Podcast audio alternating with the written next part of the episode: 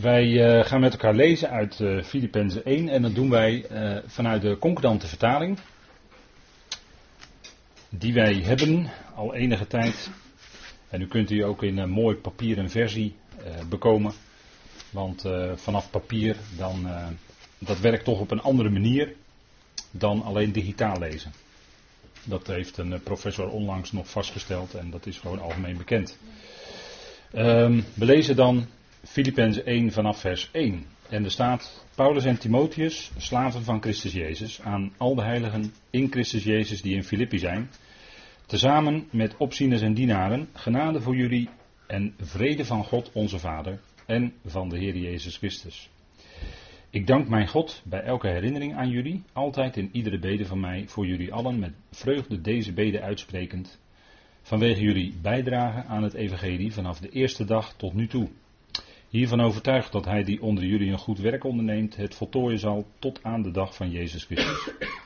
Daarom is het voor mij terecht, zo jegens jullie allen gezind te zijn, omdat jullie allen, jullie die mij in het hart hebben, zowel in mijn boeien als in de verdediging en bevestiging van het evangelie, gezamenlijk deelnemers zijn met mij aan de genade. Want mijn getuige is God, hoezeer ik naar jullie allen verlang met het mededogen van Christus Jezus. En dit bid ik, dat jullie liefde nog meer en meer mag overvloeien in erkenning en alle fijngevoeligheid. Zodat jullie toetsen wat belangrijk is. Opdat jullie oprecht zijn en niet aanstootgevend tot in de dag van Christus. Vervuld met de vrucht van gerechtigheid, die door Jezus Christus is tot heerlijkheid en lofprijs van God. Tot zover deze woorden. En wij uh, zoomen in zoals we dat al uh, gewend zijn om te doen, naar aanleiding van de vorige keer, op het gebed. En dat is wat vanavond ook uh, centraal staat. Gebed, dankzegging, daar is Paulus mee bezig. In die versen 3 en 4 hebben we dat gelezen. En hij doet dat eigenlijk door tot en met vers 11. In uh, vers 9 lezen we dat ook, dat hij nog steeds zegt, dit bid ik. Dus hij is nog steeds van bezig met zijn gebed. En hij heeft daarvoor dan ook uitgebreid gedankt voor de Filippenzen. En dat gebed loopt dus door tot en met vers 11. Dus dat is eigenlijk een lang inleidend gebed en dank wat Paulus doet. En dat is ook wel tekenen, denk ik, voor deze tijd waarin wij leven. wij uh, hebben de vorige keer niet kunnen toekomen aan dit punt, uh, het gebed van Salomo. En uh, dat is toch wel een bijzonder gebed, denk ik. We gaan het niet uitputtend bespreken, maar ik wil er toch wel op wijzen een aantal facetten die in dat gebed naar voren komen. Omdat nu eenmaal heel de schrift ons tot voorbeeld is gegeven. En van zo'n gebed, juist die gebeden in de Bijbel die heel uitgebreid zijn opgenomen in de tekst, juist die gebeden, daar kunnen wij van leren.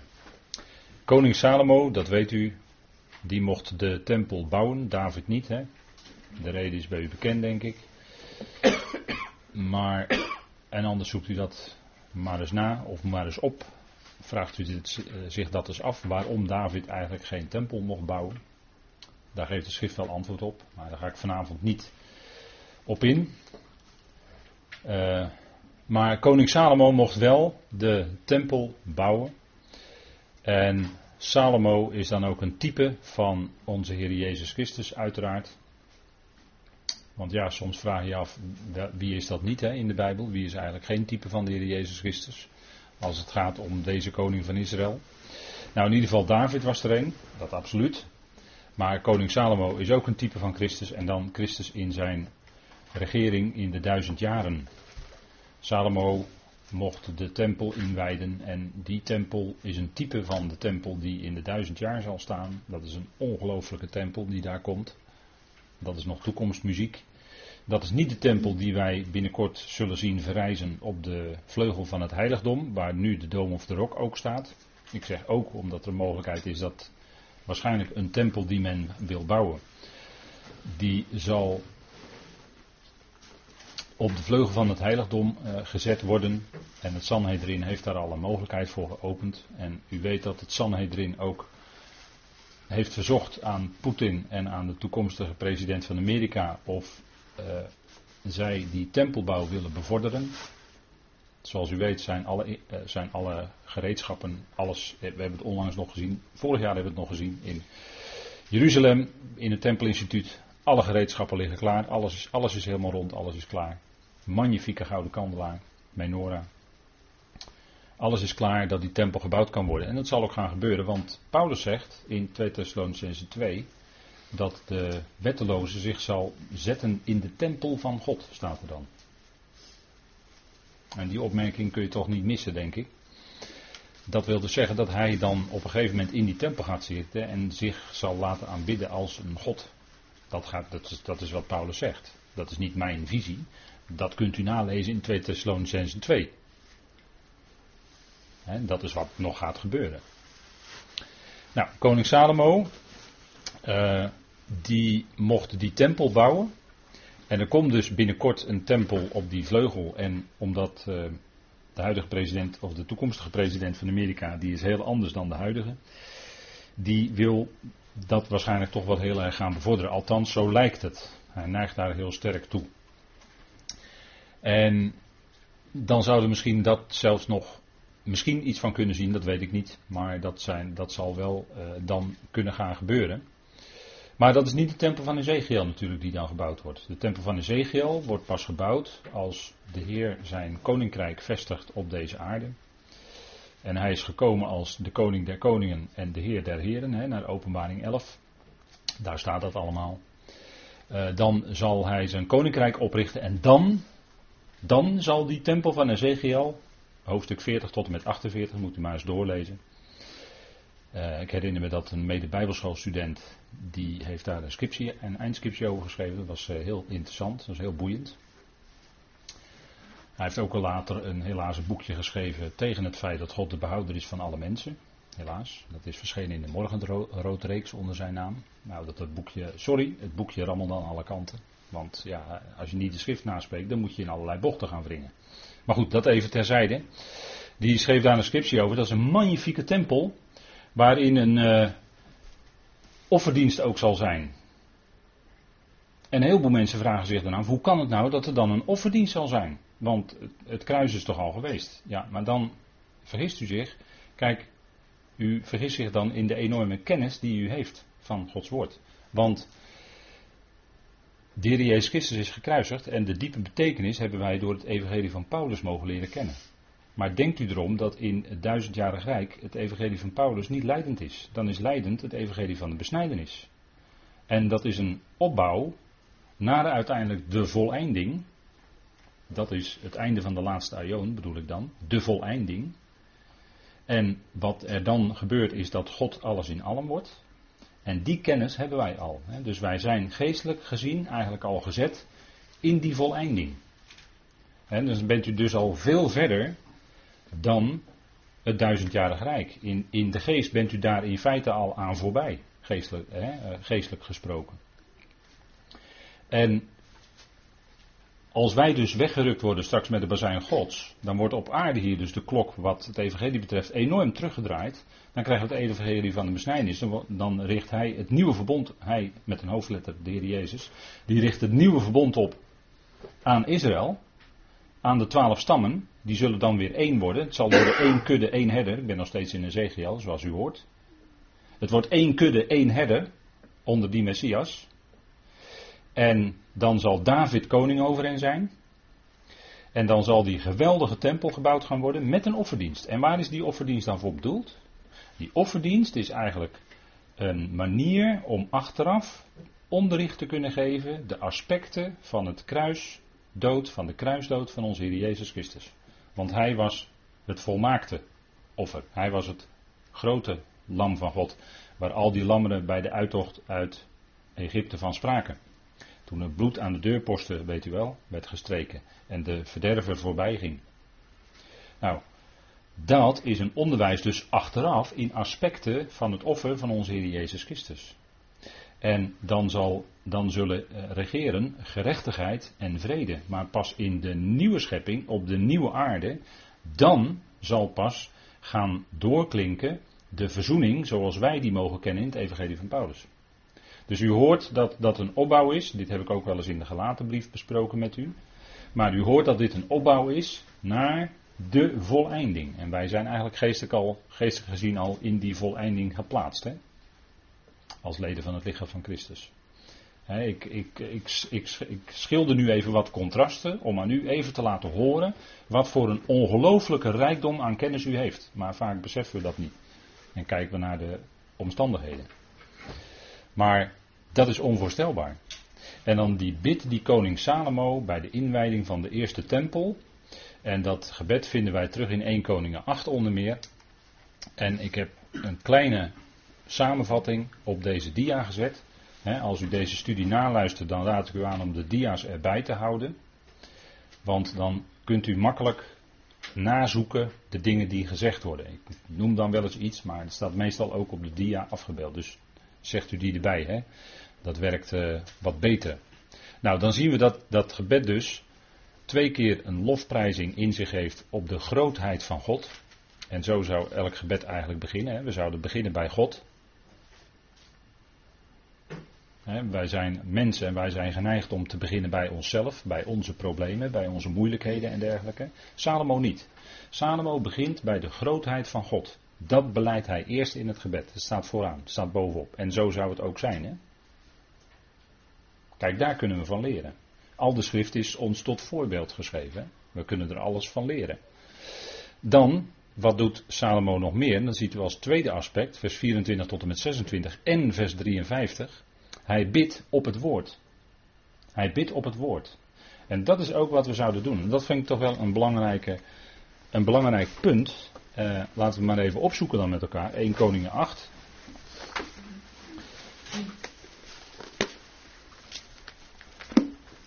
...1 Koningen 8...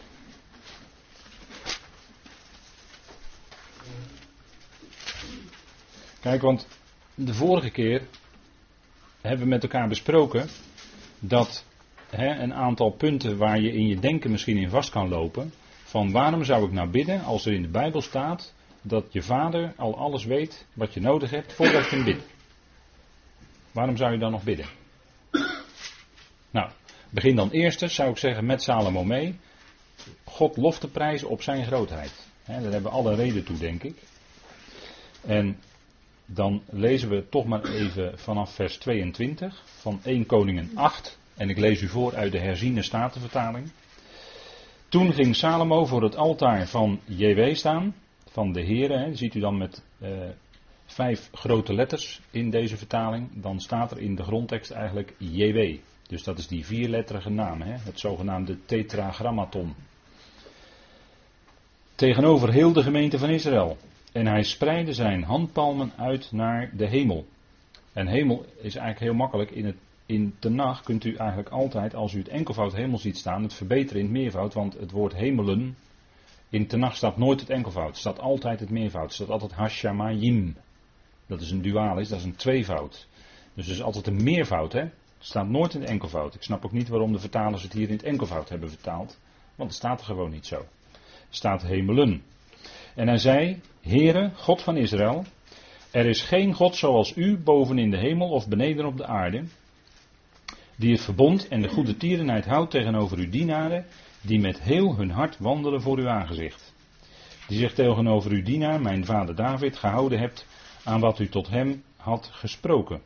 Want met uw mond sprak u en hebt u met uw hand vervuld, zoals het op deze dag is. En nu, Heere God van Israël, houdt u tegenover mijn vader David, uw dienaar, aan wat u tot hem gesproken hebt. Het zal u voor mijn aangezicht niet aan een man ontbreken die op de troon van Israël zal zitten, tenminste wanneer uw zonen op hun weg letten, door voor mijn aangezicht te wandelen zoals u voor mijn aangezicht gewandeld hebt. Nu dan, God van Israël, laat toch uw woorden, die u tot uw dienaar, mijn vader David sprak, bewaarheid worden. Ziet u wat Salomo hier doet. Hij bidt op het woord. Hij herinnert JW als het ware aan het woord wat hij gesproken heeft. Het Davidisch verbond, hè, zoals dat we kunnen terugvinden in 2 Samuel 7. Het Davidische verbond, waarin inderdaad die belofte staat die Salomo hier aanhaalt. Dat het aan geen nakomeling zal ontbreken op de troon van David. Dus wat doet Salomo? Hij bidt op het woord. Hij herinnert JW aan de woorden die hij gesproken heeft. En hij zegt ook dat hij zijn woord ook vervult. Hij houdt zich aan zijn woord. Hij heeft niet alleen met de mond gesproken, maar hij heeft het ook met de hand gedaan. Dat zegt Salomo hè, in zijn gebed. En dat is ook wat we kunnen nadoen in ons gebed. Wij kunnen bidden op het woord. wij kunnen, we hebben zelfs voorbeeldgebeden in de brieven van Paulus, die wij letterlijk kunnen nabidden. Dat is ook bidden op het woord. Hè? Want als je bidt om een geest van wijsheid en onthulling in de erkenning van Hem, als je daarom bidt, om die speciale toedeling van die geest, dan is dat bijzonder, want dan kan God u die bijzondere toedeling geven, waardoor u die geheimenissen van de Efezebrief kunt verstaan. Dus dat is niet zomaar een gebed. Kijk, we zijn verzegeld met de geest van de belofte, de heilige. En toch bidt Paulus in datzelfde hoofdstuk om de geest van wijsheid en onthulling in erkenning van Hem. Niet alleen voor jezelf dat bidden, maar voor ieder lid van het lichaam van Christus. En dat is dan opdat God aan de leden van het lichaam van Christus die toedeling geeft, zodat zij die Efeze geheimenissen en de andere geheimenissen die Paulus bekend mocht maken gaan verstaan. Kennelijk kun je die niet verstaan als je die toedeling niet hebt. Dan draai ik het even om. Hè? Dus dat is een heel belangrijk gebed. Dat staat er niet voor niks. En Paulus bidt dan, breidt dat gebed verder uit. En dan gaat hij die drie aspecten van het Efeze ook noemen in zijn gebed. Hè? Maar zo vinden we ook bijvoorbeeld in Colossense 1, vers 9 tot 11. Niet alleen Filippenzen 1, vers 9 tot 11, maar ook Colossense 1, vers 9 tot 11. Vinden we ook een Bijbels gebed. Hè? Wat je ook zo woordelijk kunt nabidden. Dat God je vervult met de erkenning van zijn wil. Want dat is waar bij een hoop mensen aan schort. De erkenning van zijn wil. God wil dat alle mensen gered worden en tot erkenning van de waarheid komen. Dat is de wil van God. En denk erom dat hij dat gaat doorzetten ook hoor. En nu gaat het erom dat wij bidden dat alle gelovigen, dat alle heiligen gaan verstaan en gaan erkennen. Erkennen is meer dan alleen kennis nemen van. Erkennen, dan, dan, dan zit dat echt in het hart en dan wordt dat aan je onthuld. Dat God wil dat alle mensen gered worden en tot erkenning van de waarheid komen. Dat is de wil van God. En hij is ook de redder van alle mensen. Dus hij gaat dat, die wil gaat hij ook helemaal doorzetten. Mens kan daar wel lang tegen ingaan. Maar als de ionen voorbij zijn, is het over. Dan heeft, heeft hij zijn wil bereikt. Dan is hij werkelijk redder van alle mensen. Dan blijkt dat. En uh, kijk, dan wordt dat gebed, waar ik de vorige keer over sprak, van als je nou misschien 10, 20, 30 jaar bidt voor je ongelovige familielid en die komt niet tot geloof. Dat gebed wordt wel verhoord hoor. Dat gebed wordt verhoord, jawel, zeker wel. Want na de Ionen komt God ook met die, dat familielid, waarvoor u zo lang gebeden heeft, en terecht, waarvoor u zo lang gebeden heeft, komt God toch tot zijn doel. Alleen het is op zijn tijd. Hij verhoort het wel, maar op zijn tijd. Daar gaat het om. Dat is het probleem van gebed, hè. Wij bidden en dan eh, hebben we misschien van jongs af aan geleerd die psalm te zingen. Eis van mij vrijmoedig. Nou, we hebben niks te eisen hoor bij God. Eis van mij, van mij vrijmoedig op zijn trouw verbond. Nou, wij hebben niets te eisen. Weet u wie dat wel gaat eisen? De Heer Jezus Christus. Die mag het gaan eisen, ja. Daar gaat die psalm ook over. en kijk, als je bijbels wil bidden, dan moet je ook de wil van God leren kennen. En dat is juist het gebed om de erkenning van zijn wil. Vader, leer mij uw wil kennen. Dan moet je in zijn woord kijken wat zijn wil is. En dan gaat Vader jou de ogen daarvoor openen en je hart ervoor openen. Zo werkt dat. je kan uh, bidden om uh, de bekering van hele volkeren, maar als je in de Bijbel leest, weet je dat God dat niet in deze tijd doet. Dat doet hij nu niet. En, en, in, in Nederland wordt al tientallen jaren gebeden om een opwekking. Toen ik op de Bijbelschool zat in 8083, toen hoorde ik dat al. En er is daarna geen opwekking gekomen. En er waren ook wel leraren op de Bijbelschool die ook gewoon glashard zeiden, zoals dat ik even zo zeg. Maar ze hadden wel gelijk, want die zeiden gewoon op grond van de schrift: er komt helemaal geen opwekking. En ze hadden gelijk. Komt ook geen opwekking. Wat ik wel in de Bijbel lees, is dat in de laatste dagen de mensen zullen afvallen van het geloof. Dat lees ik wel. Dat lees ik wel. Dat is heel wat anders dan een opwekking. Ja, dat is, ik weet dat het heel onnuchterend is. En dat heel veel christenen dat in alle oprechtheid en met alle goede bedoelingen, dat twijfel ik niet aan. Absoluut, dat twijfel ik niet aan. Maar als je de Bijbel leest, dan lees je andere dingen. En dat vind ik zo verdrietig. Men, men bidt wel en veel en, en, soms hebben ze zelfs 24 uur gebeden, zo'n keten, weet je wel, dan nemen ze het van elkaar over. dat was ook 30, eh, 40 jaar geleden al zo, heb ik allemaal meegemaakt. Allemaal gezien. Maar je kan een hele keten van gebed, 24 uur lang, 7 dagen per week, en je kan voor allerlei dingen gaan bidden, maar die God niet verhoort. God, God doet het niet zo op die manier. Waarvoor dan allemaal gebeden wordt. Dat zijn allemaal menselijke dingen.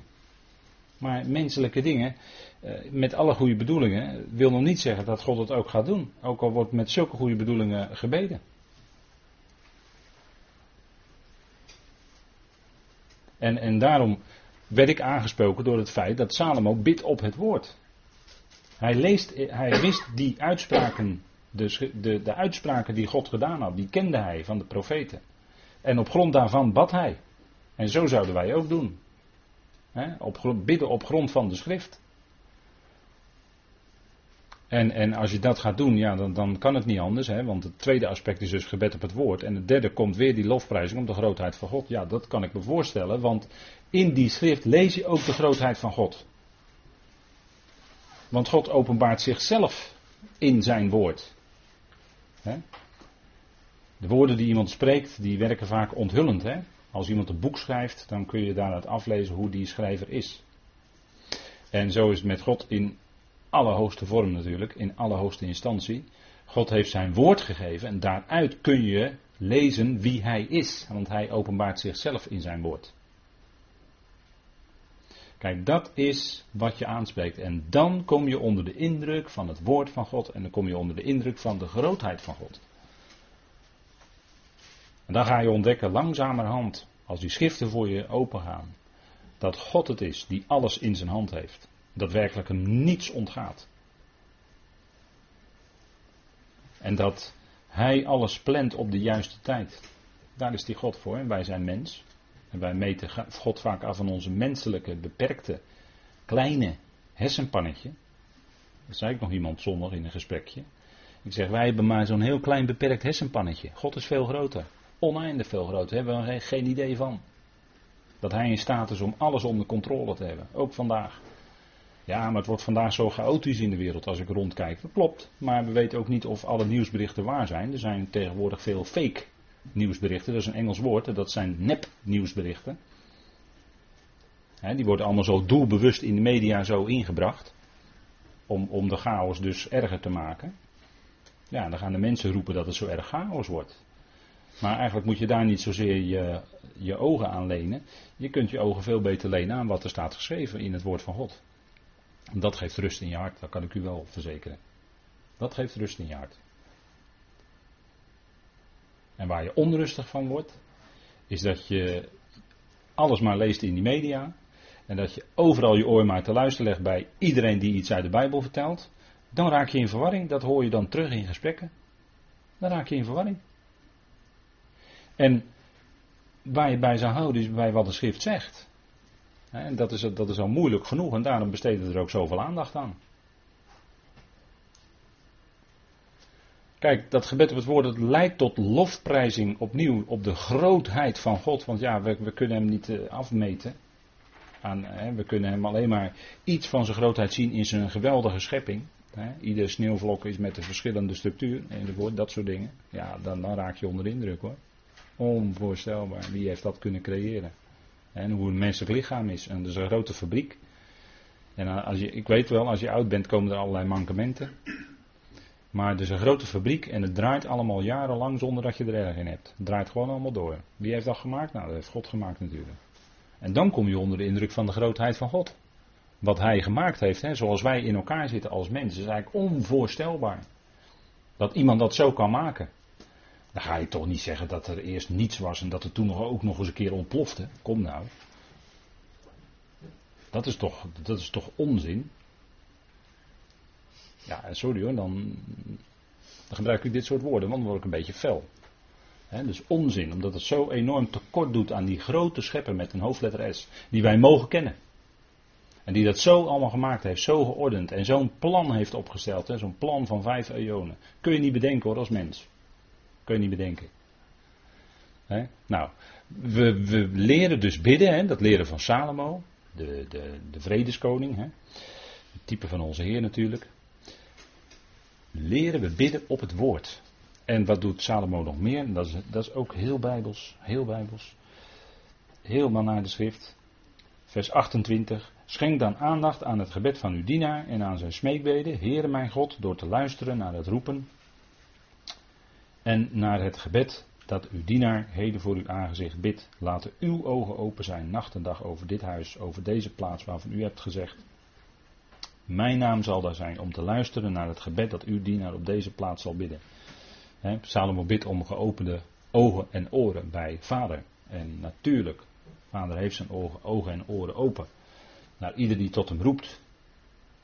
Iedere roep, ook al is het een, een schreeuw uit een hart wat in grote moeilijkheden zit en niet onder woorden kan brengen.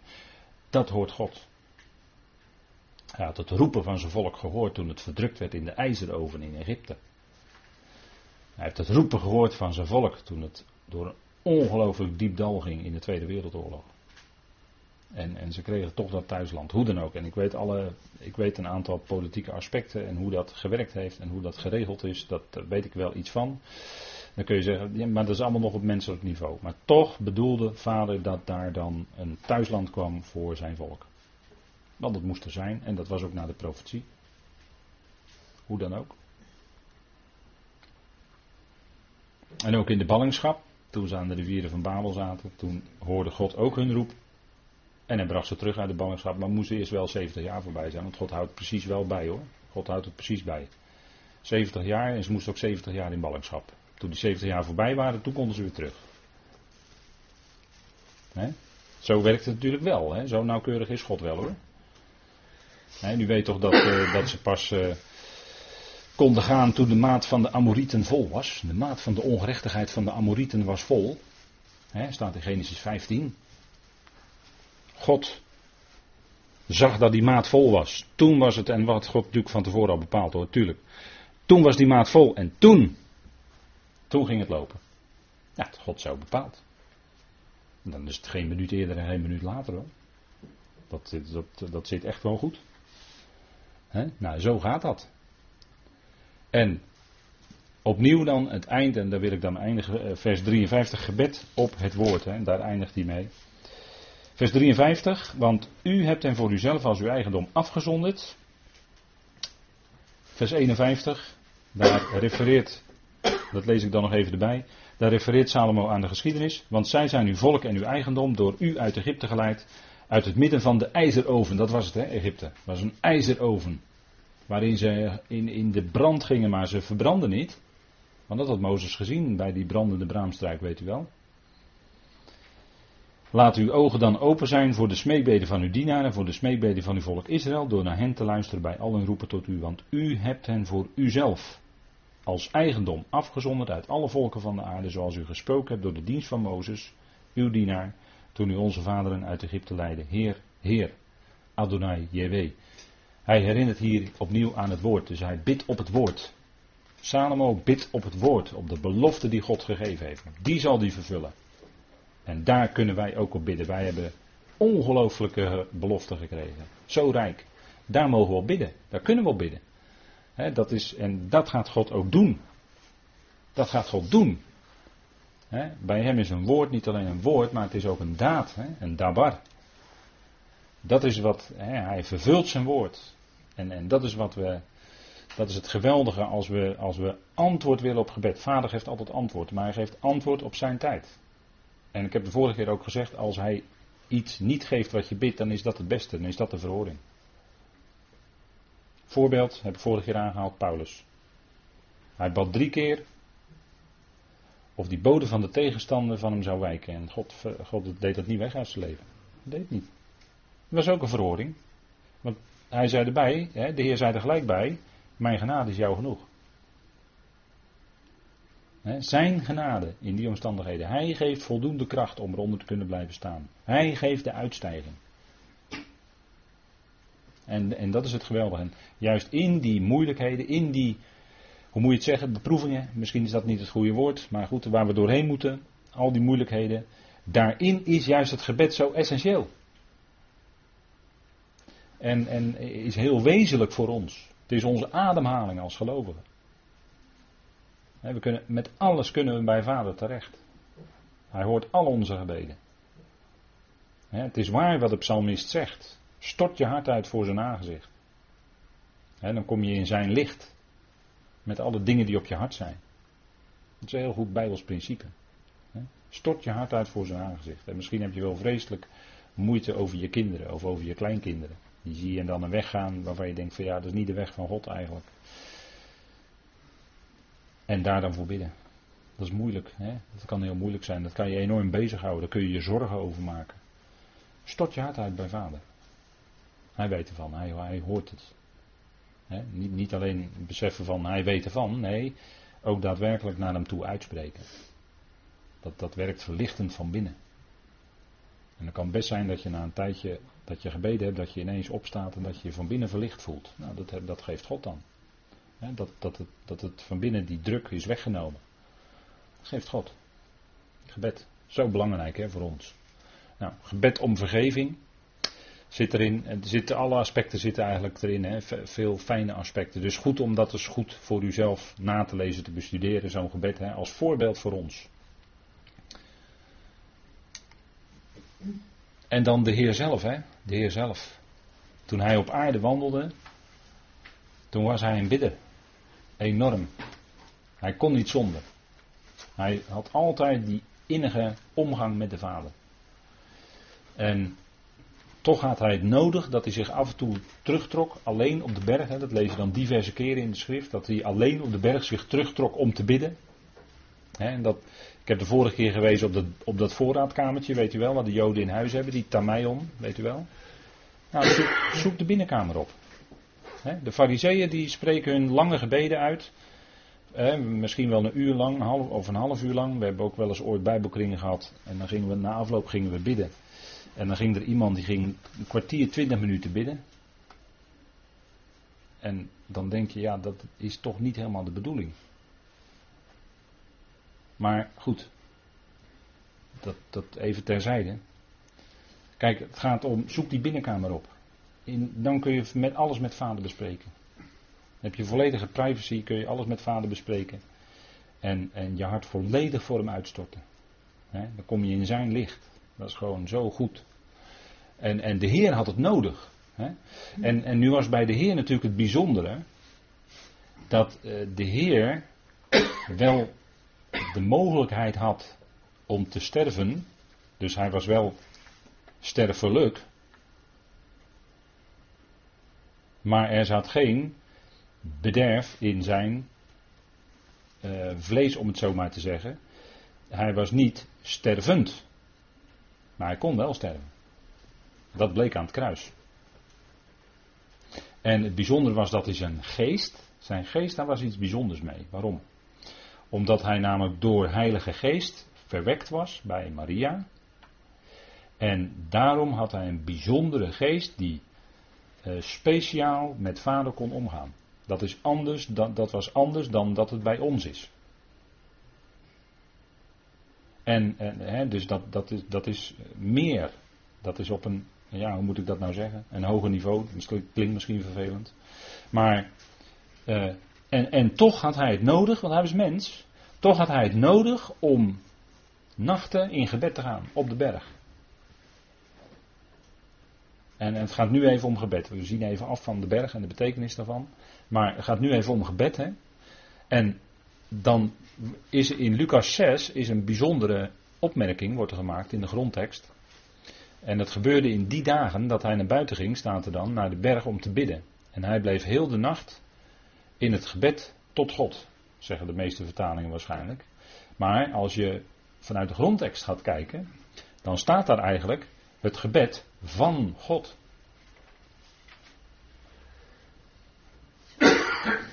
Dat is, dat is iets bijzonders. Dat is iets bijzonders. En dat is niet zomaar omdat wij graag uh, op, uh, op iedere punt en komma willen letten. want dat wordt ons bijna wel eens verwijtend gezegd, soms.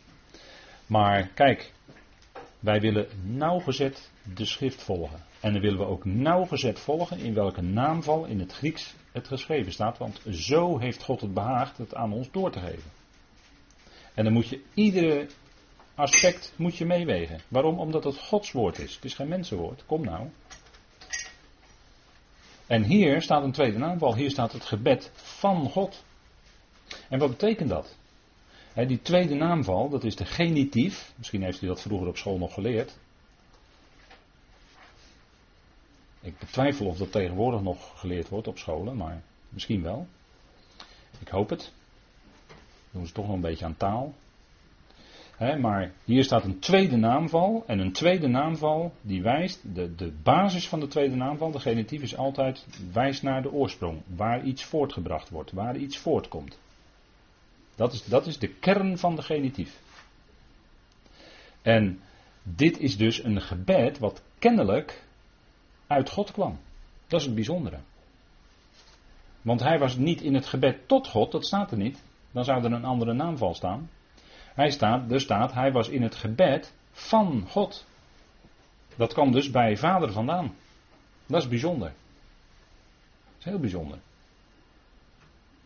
En daarom heb ik ook boven deze dia gezet: het gebed is uit God. Het gebed is uit God. Kijk, we hadden het net over die gebeden in de brieven van Paulus. Nou, denkt u erom dat die gebeden uit God zijn hoor. Dat is door God geïnspireerd. Dus dat geldt net zo voor die gebeden ook. Die zijn uit God gegeven aan ons om te bidden. En de Heer Jezus was dus in die nacht in het gebed van God. En waarom was dat? Dat, dat, dat was iets speciaals. Dat was een speciale gebeurtenis. Dat ging hij tegemoet de volgende dag. en dan, dan krijgt u even een klein inkijkje in het gebedsleven van de Heer Jezus. En dat is toch wel heel bijzonder, denk ik. Want dan krijg je echt het idee van, ja, nu moet ik eigenlijk mijn schoenen van mijn voeten doen, want ik betreed, we betreden heilige grond dan. Hè? En kijk, er staat in uh, Lucas 6, vers 12, staat dus dat hij in gebed was, in het gebed van God. En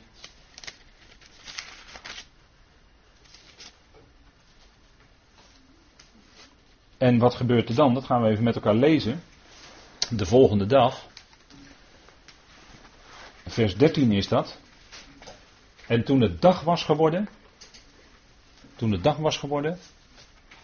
Riep hij zijn discipelen bij zich.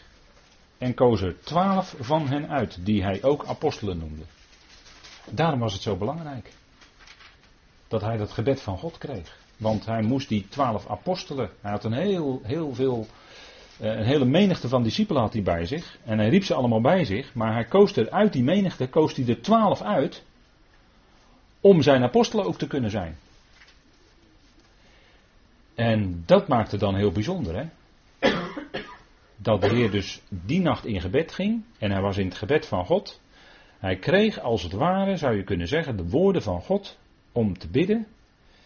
En zo in dat gesprek met Vader leidde vader hem dan de volgende dag dat hij de, de apostelen kon uitkiezen. Dat hij wist wie het waren. En dat hij ze riep. En dat is, dat is wat hij later ook bevestigt. En er worden hier dan uh, die apostelen allemaal in naam genoemd. Hè?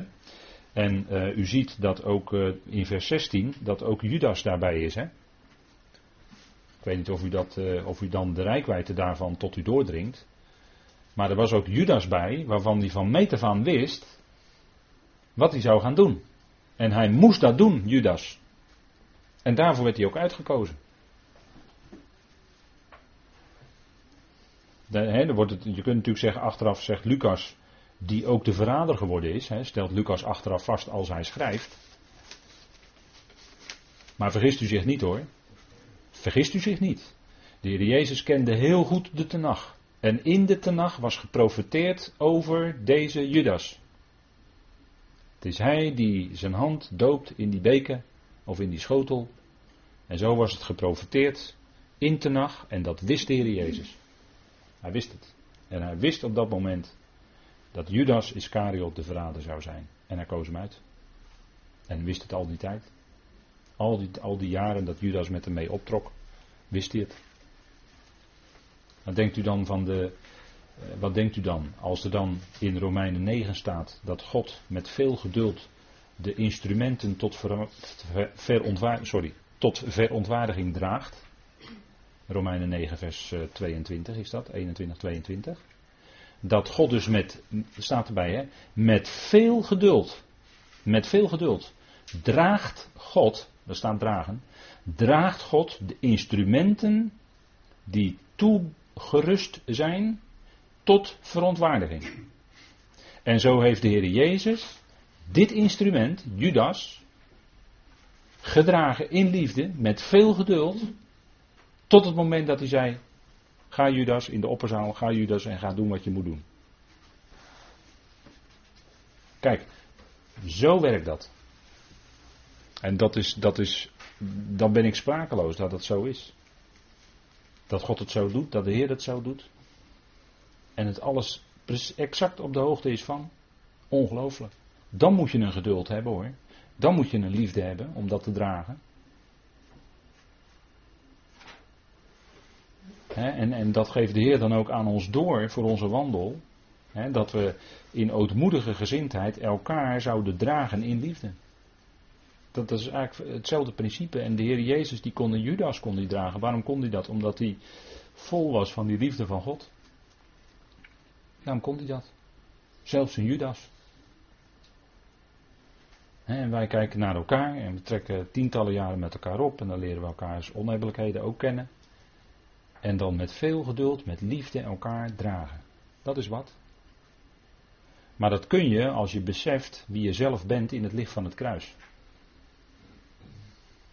als je naar het kruis kijkt, dan weet je, ja, daar had ik ook horen te hangen. Met de Heer. En zo is het ook eigenlijk. want er werden met hem rovers en misdadigers gekruisigd. Nou, dat zijn u en ik ook hoor. Als we kijken naar ons vlees, dan zijn wij dat ook. maar even gekeken naar het vlees dan. Maar dat is juist mede gekruisigd, 2000 jaar geleden op Golgotha. En wij zouden zo rekenen. Rekenen zoals God rekent. Dood te zijn voor de zonde en levend voor God in Christus Jezus onze Heer. Zo rekenen.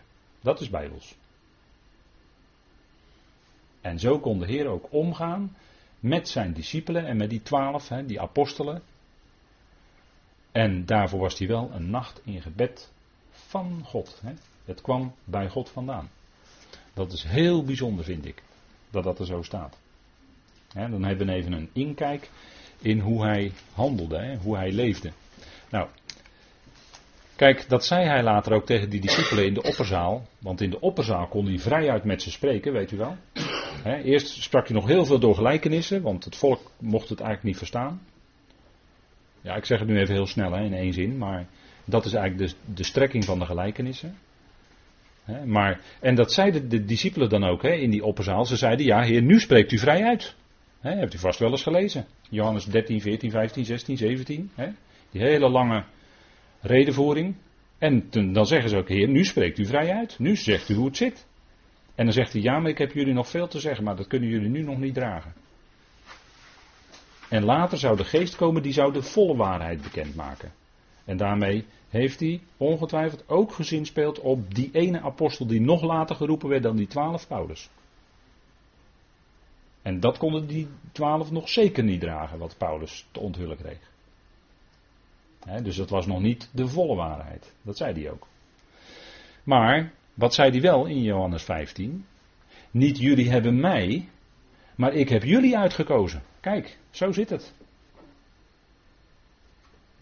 als we praten over kiezen, he, is altijd een, een, een, hele beweging is er altijd van je moet kiezen voor Jezus. En ze vergissen zich, want de Heer Jezus had al lang voor hen gekozen. je moet even goed de klok op het juiste moment zetten. Hij koos eerder hoor. niet jullie hebben mij, maar ik heb jullie uitgekozen. Dat staat er. En ik heb jullie geplaatst, er staat dan het woord plaatsen, dat is heel mooi. Ik heb jullie geplaatst. Dus zij waren uitgekozen door de Heer. De Heer had ze natuurlijk al lang op het oog gehad. Maar ze waren uitgekozen door de Heer en hij had ze geplaatst op die plek, als de plaatser. Dat jullie zouden heen gaan en vrucht dragen dat er, dat is niet in de eerste plaats dat de mensen tot bekering komen, die vrucht. Maar dat is allereerst natuurlijk geestelijke vrucht. De kwaliteiten van de geest die zichtbaar worden in mensenlevens, dat is, dat is vrucht hoor. Daar hebben we het over gehad, hè? met de gelaten brief uitgebreid. De vrucht van de geest. Dat is één vrucht met negen geweldige facetten. Nou, dat is wat de Heer ook aan de discipelen meegaf, dat ze zouden vrucht dragen.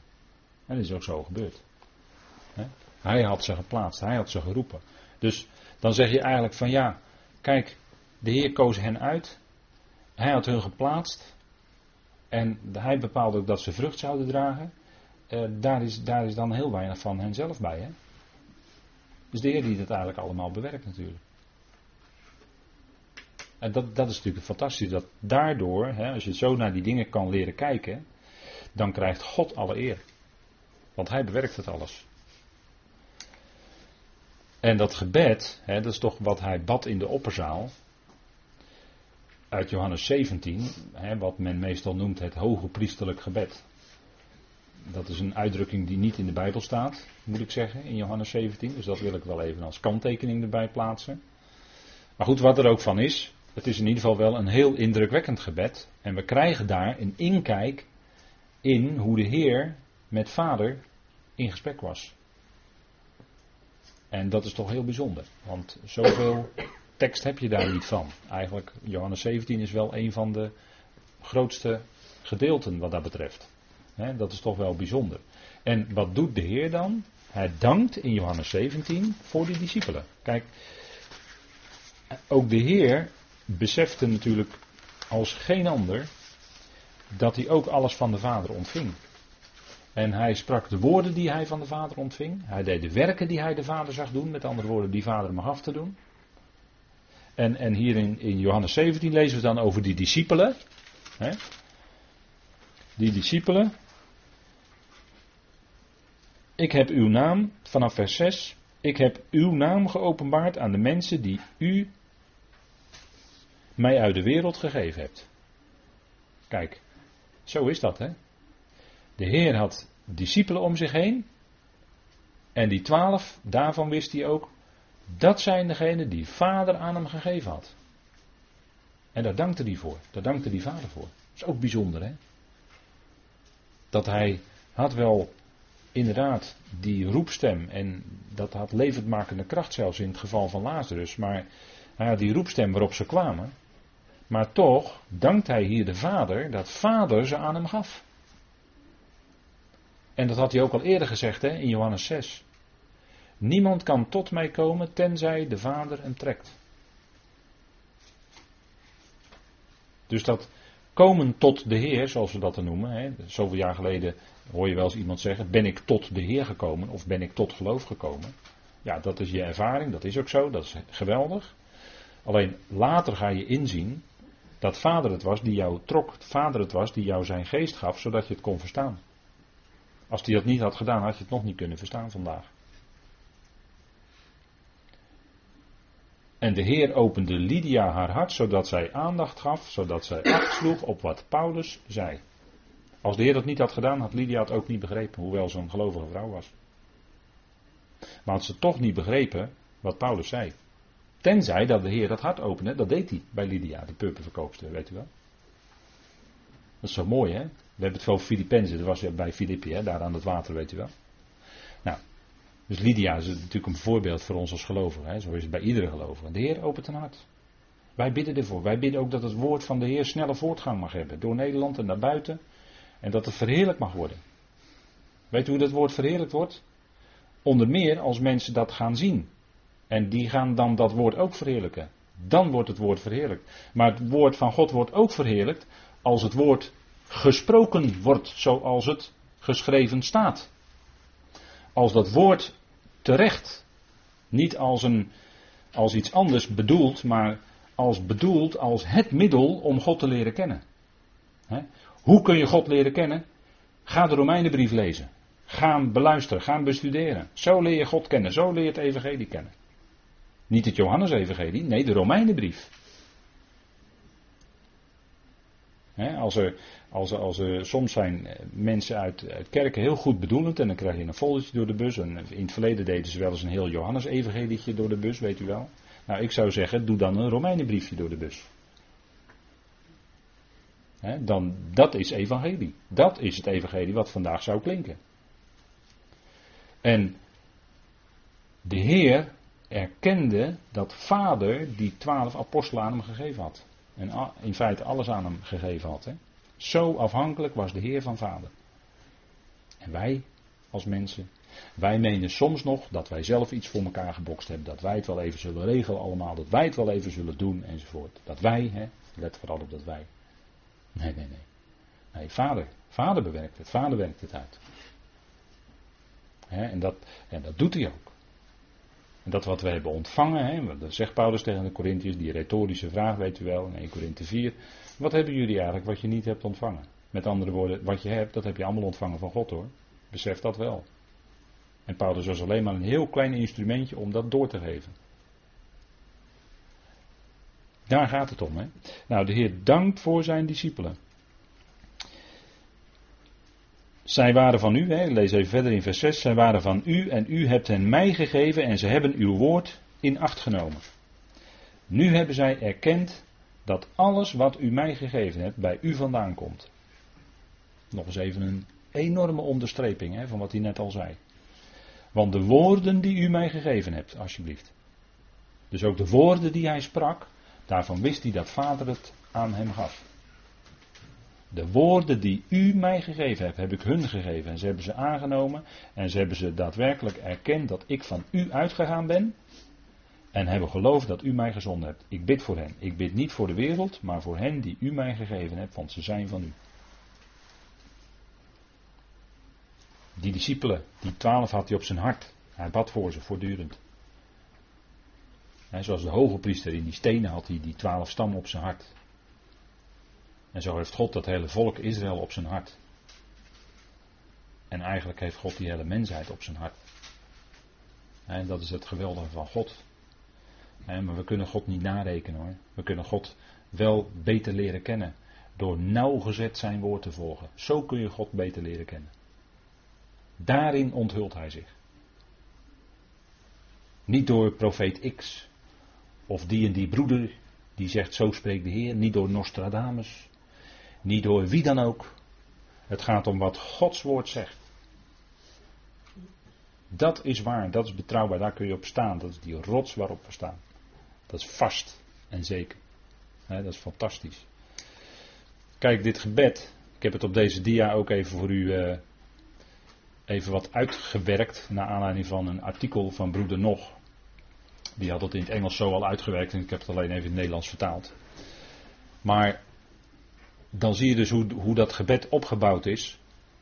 En, en hier moet je, ik, laat het u alleen even zien dat u even op dit moment een idee heeft en u kunt dat later thuis op uw gemak nalopen en uitwerken.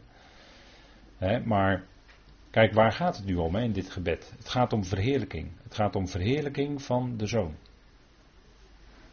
En, en wat, wat is daar de bedoeling van? Hij bidt om die heerlijkheid. Wat is daar de bedoeling natuurlijk van? Nou, de zoon wil niets liever dan de Vader verheerlijken.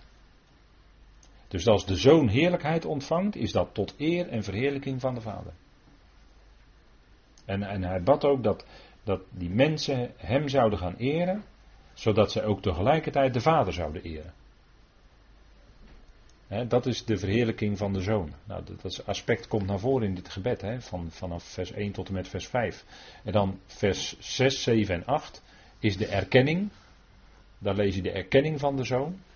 En die erkenning komt ook weer terug in vers 25 en 26. dat zijn die bijzondere structuren die we in de schrift terugvinden. En eigenlijk is het, is het hart van het gebed, is vers 12 tot en met 19, dat gaat dan over de discipelen, dat die discipelen bewaard worden. hij bidt voor die twaalf, die hij van vader ontvangen had, waarvoor hij dat gebed van God had ontvangen. En hij bidt om die bewaring van die discipelen. Dat ze bewaard worden. Waarin? Ik denk dat een centraal gegeven is dat ze bewaard worden in het woord. want de Heer bidt dat ook. In vers 17, die bekende uitspraak. Maar dat is, dat is een gebed tot bewaring van die discipelen, van die twaalf. Heilig hen door uw waarheid. Uw woord is de waarheid. Uw woord is de waarheid. Kijk, daar gaat het om. En, en daarom willen we zo graag aandacht besteden aan de schriften. Dat we daarin ook bewaard worden. Want kijk, de waarheid, dat is de waarheid die van God komt door zijn woord. Die waarheid, die maakt vrij. dat zei de Heer Jezus ook in Johannes 8 tegen zijn discipelen. De waarheid zal jullie vrijmaken. Dat zijn de woorden die hij tot hen sprak. Daar sprak hij over hoe het zat met de vader en de zoon. En dat hij van de vader was uitgegaan. En dat hij dat geweldige doel had om, om velen en uiteindelijk allen tot zich te trekken. en hij bad om bewaring in dat woord. Waar word je in bewaard? Je wordt bewaard in het woord. Dat is waar de Heer Jezus om bidt. En, en het is voor hem geen twijfel mogelijk natuurlijk. Uw woord is de waarheid. En Pilatus vroeg zich af, wat is waarheid? Nou, de waarheid stond voor hem. Hij kon het zeggen. Ik ben de weg, de waarheid en het leven. De waarheid stond voor hem. En dat is wat, wat de mens vandaag zegt. Hè? Wat is waarheid? En tegenwoordig mag je niet meer zeggen dat iets waar is wat uit Gods woord komt. Dat mag je tegenwoordig niet meer zeggen. En, en onder gelovigen, zelfs onder gelovigen, nou wordt, nou wordt het even precair hoor. Maar zelfs onder gelovigen wordt dat ook al moeilijk. Dan, dan mag je niet voluit zeggen wat Gods woord zegt en dat dat dan de waarheid is. Dat mag je soms bijna onder gelovigen ook niet. En dan krijg je het vermoeden dat men dat dan misschien politiek niet correct vindt. Politiek niet correct. U het goed? Kijk, als we zo als gelovigen onder elkaar spreken, dan is er wel wat aan de hand. Hè? Dan is er wel wat aan de hand. Maar kijk, gewoon rechtstreeks, rechtuit zeggen: Dit is Gods woord. Dit zegt Gods woord. Dit is dus de waarheid, absolute waarheid. En dat jij daar moeite mee hebt, dat is heel wat anders. Hè? Maar Gods woord is de absolute waarheid, die staat boven ons allemaal. Maar de mensen erkennen vandaag, en dat, dat is allemaal begonnen in de Franse Revolutie hoor. Maar de mensen erkennen vandaag geen absolute waarheid meer boven zich. Ze erkennen dus eigenlijk God niet boven zich. Daar gaat het natuurlijk allemaal om. Het is allemaal weerstand tegen God. ze erkennen God niet als God en dus moeten ze zijn woord ook niet. ik weet nog goed dat ik op Bijbel. Ja, praat ik weer over de Bijbelschool, maar. In 1982 verscheen het rapport God met ons. Rapport over schriftgezag binnen de kerken. Toen is de wissel omgezet hoor. Toen had je niet meer een absoluut waarheidsbegrip, namelijk Gods woord is de absolute waarheid boven ons. Nee, toen kreeg je een relationeel waarheidsbegrip. Dat we zeggen, het is alleen voor jou waar als jij het waar vindt. Nee, dat is een mooie truc van de tegenstander. Hè? Dat is een truc hoor. Dat is een listige truc. Dat begon in, in Genesis 3 al, toch? Is het ook dat God gezegd heeft? Huh? Nee, Gods woord is gewoon de waarheid. Gewoon erkennen, dat staat geschreven, dat is betrouwbaar, dat is gewoon de waarheid, klaar. Dan ben je klaar. Zo moeilijk is dat toch niet? Uw woord is de waarheid. Het is een uitspraak die ik regelmatig aanhaal. Waarom? Omdat het getuigt, omdat het getuigt, eh, een getuigenis is van iemand die het als geen andere wist. Als geen ander. En dat zouden we naspreken. Hem zouden we dan navolgen, ja, zeker. Uw woord is de waarheid. En dan heb je grond onder je voeten. Daar kun je op staan. En daar kun je ook op bidden. Op dat woord. Dat is het hè, waar het om gaat. En dan bevestigt God zijn woord. Dat is wat, wat we in al die jaren hebben kunnen zien. God bevestigt zijn woord. Hij bevestigt niet van ik voel of ik denk of ik vind. Dacht u nou echt dat we door discussiëren dichter bij de waarheid komen? Nee, daar kom je er verder vanaf. Precies het tegenover. Het is ook zo'n truc hoor. Het is ook zo'n truc. Horen wordt de waarheid, heb ik geleerd. Horen, Johannes, uh, Romeinen 10, hè. Horen en daardoor komt geloof. En Paulus eh, zegt dan uitdagend, in, uh, in de eerste Korinthebrief zegt hij uitdagend, waar is de schriftgeleerde, waar is de wijze? Waar is de redetwister van deze aion? Dat is die discussieerder hoor. Waar is die? Want als het gaat om de wijsheid Gods, dan schrompelt al dat andere menselijke schrompelt in elkaar en het is, het is tot niets. Want hij, hij stelt de redeneringen van de mensen aan de kaak dat ze dwaas zijn. in het licht van de wijsheid van God. En daar zijn we mee bezig. En het is het meest wijze. Wat is nou het meest wijze voor ons als gelovigen? Volg zijn woord. En daar kun je op staan. Rechtuit zoals het werkelijk geschreven staat. Daar kun je op leven en daar kun je ook op sterven, want God geeft opstanding. En, en dat is wat we, uh, dat is die geweldige waarheid. En daardoor, daarvan, garandeer ik u, garandeer ik u, als je dat doet, dan word je echt blij van binnen en dan blijf je dat ook. En, en, dat is het geweldige. En daar kun je op bidden. Dan kun je danken. Dan ga je alleen maar beginnen met danken en lofprijzen aan God. En dan heb je alle reden om hem te danken voor, voor zoveel wat hij gegeven heeft. Het is zo rijk. nou goed, eh, we zullen even pauzeren, dan gaan we straks weer verder.